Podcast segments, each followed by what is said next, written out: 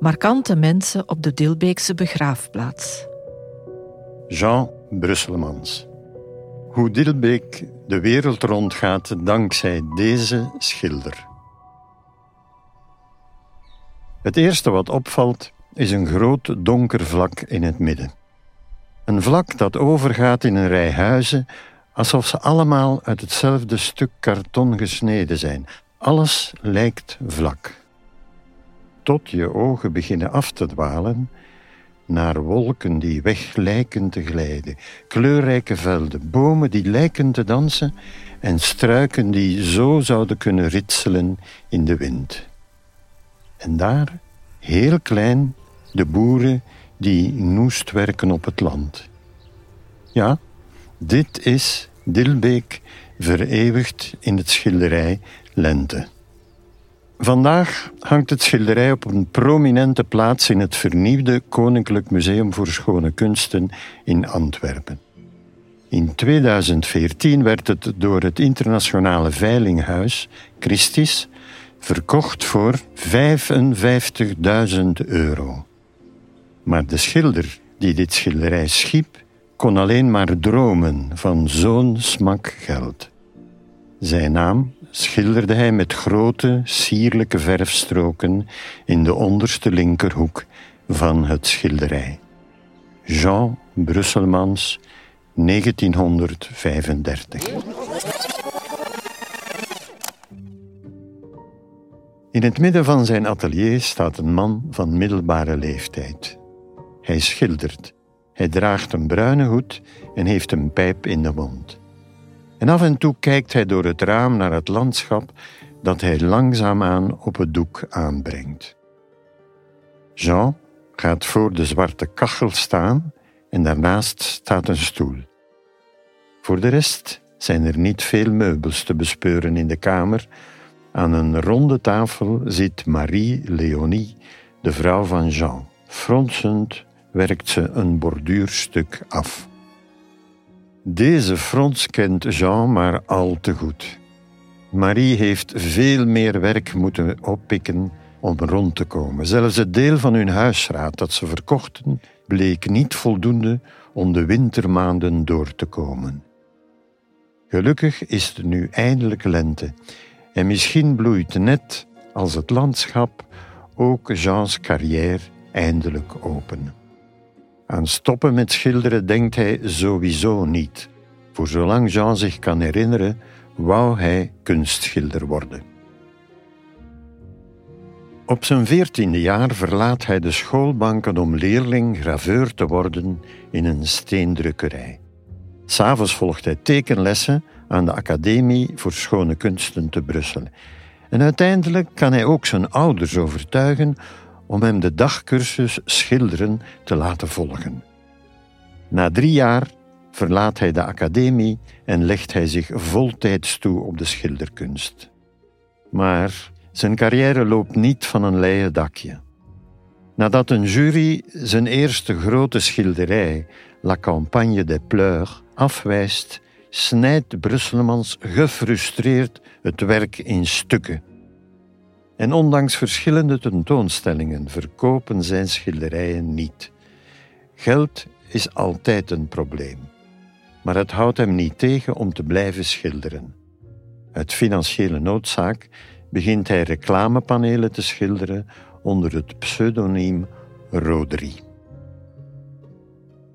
Maar het is niet zo dat de naam Jean Brusselmans niets betekende in die tijd. Hij stelde wel eens tentoon met bekende namen uit het modernisme zoals Constant Permeken, Edgar Tietgat en Leon Spiliaert. Hij was ook bevriend met de gekende kunstenaar Rick Wouters.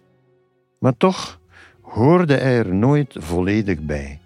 En eigenlijk wou hij dat ook helemaal niet.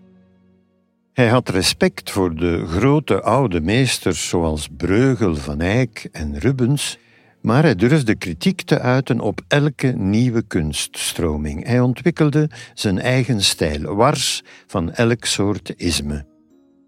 Na de Eerste Wereldoorlog trekt hij samen met Marie en hun zoontje Armand weg uit de grootstad. Na Sint Martens Bodegem en een korte tussenstop in Sint-Pieters Jette verhuist het gezin Brusselmans in 1924 naar Dilbeek. En zo komt Jean hier in Dilbeek terecht. Hij woont in de Koudenaarde wijk en noemt zijn woonst met een woordspeling de Koudenhaard. Het uitzicht van zijn atelier zal hij nog meermaals schilderen met oog voor het veranderende landschap doorheen de seizoenen.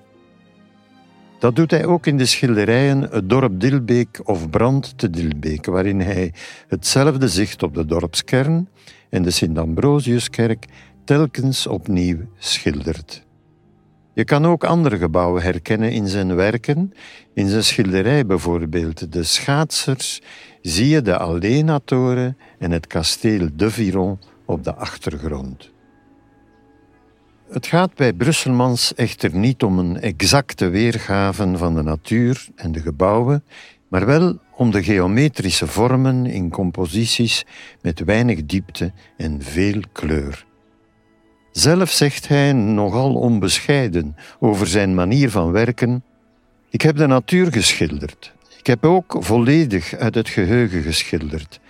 Beide manieren zijn even goed en kunnen goede resultaten geven, mits de persoon die ze beoefent de nodige kennis heeft om er het beste van te maken. Naast zijn omgeving is ook het dagelijkse leven een bron van inspiratie. Ook zijn vrouw Marie staat vaak model. Als zij in de oorlogswinter van 1943 ernstig ziek wordt en sterft, is Jean ontroostbaar. Maar hij blijft doen wat hij altijd deed: schilderen. Tot zijn dood op 67-jarige leeftijd. Hij wordt begraven in Dilbeek. Op zijn graf staat te lezen L'existence d'un artiste est toujours héroïque. Het is de eerste zin van een langere tekst die hij zelf schreef. Het bestaan van een kunstenaar is altijd heroïs, of je nu rijk of arm bent. Terwijl alles om hem heen er naar streeft om een vaste vorm aan te nemen, verlangt hij daarentegen naar strijd. En naar deze strijd zal hij verlangen zolang als de wereld wereld zal zijn. En omdat de mens niet geslaagd is in zijn poging om de natuur na te bootsen, is hij kunstenaar geworden. Net dat deed Brusselmans. Dankzij zijn volharding om te blijven creëren, vereeuwigde hij Dilbeek op zijn doeken. De rest van de wereld kan en mag er mee van genieten. Deze podcast werd gemaakt door een groep Dilbeekse vrijwilligers in samenwerking met WAJO. Met de steun van Cultura Dilbeek, Zender, Provincie Vlaams-Brabant, Familiekunde Dilbeek en Gemeente Dilbeek.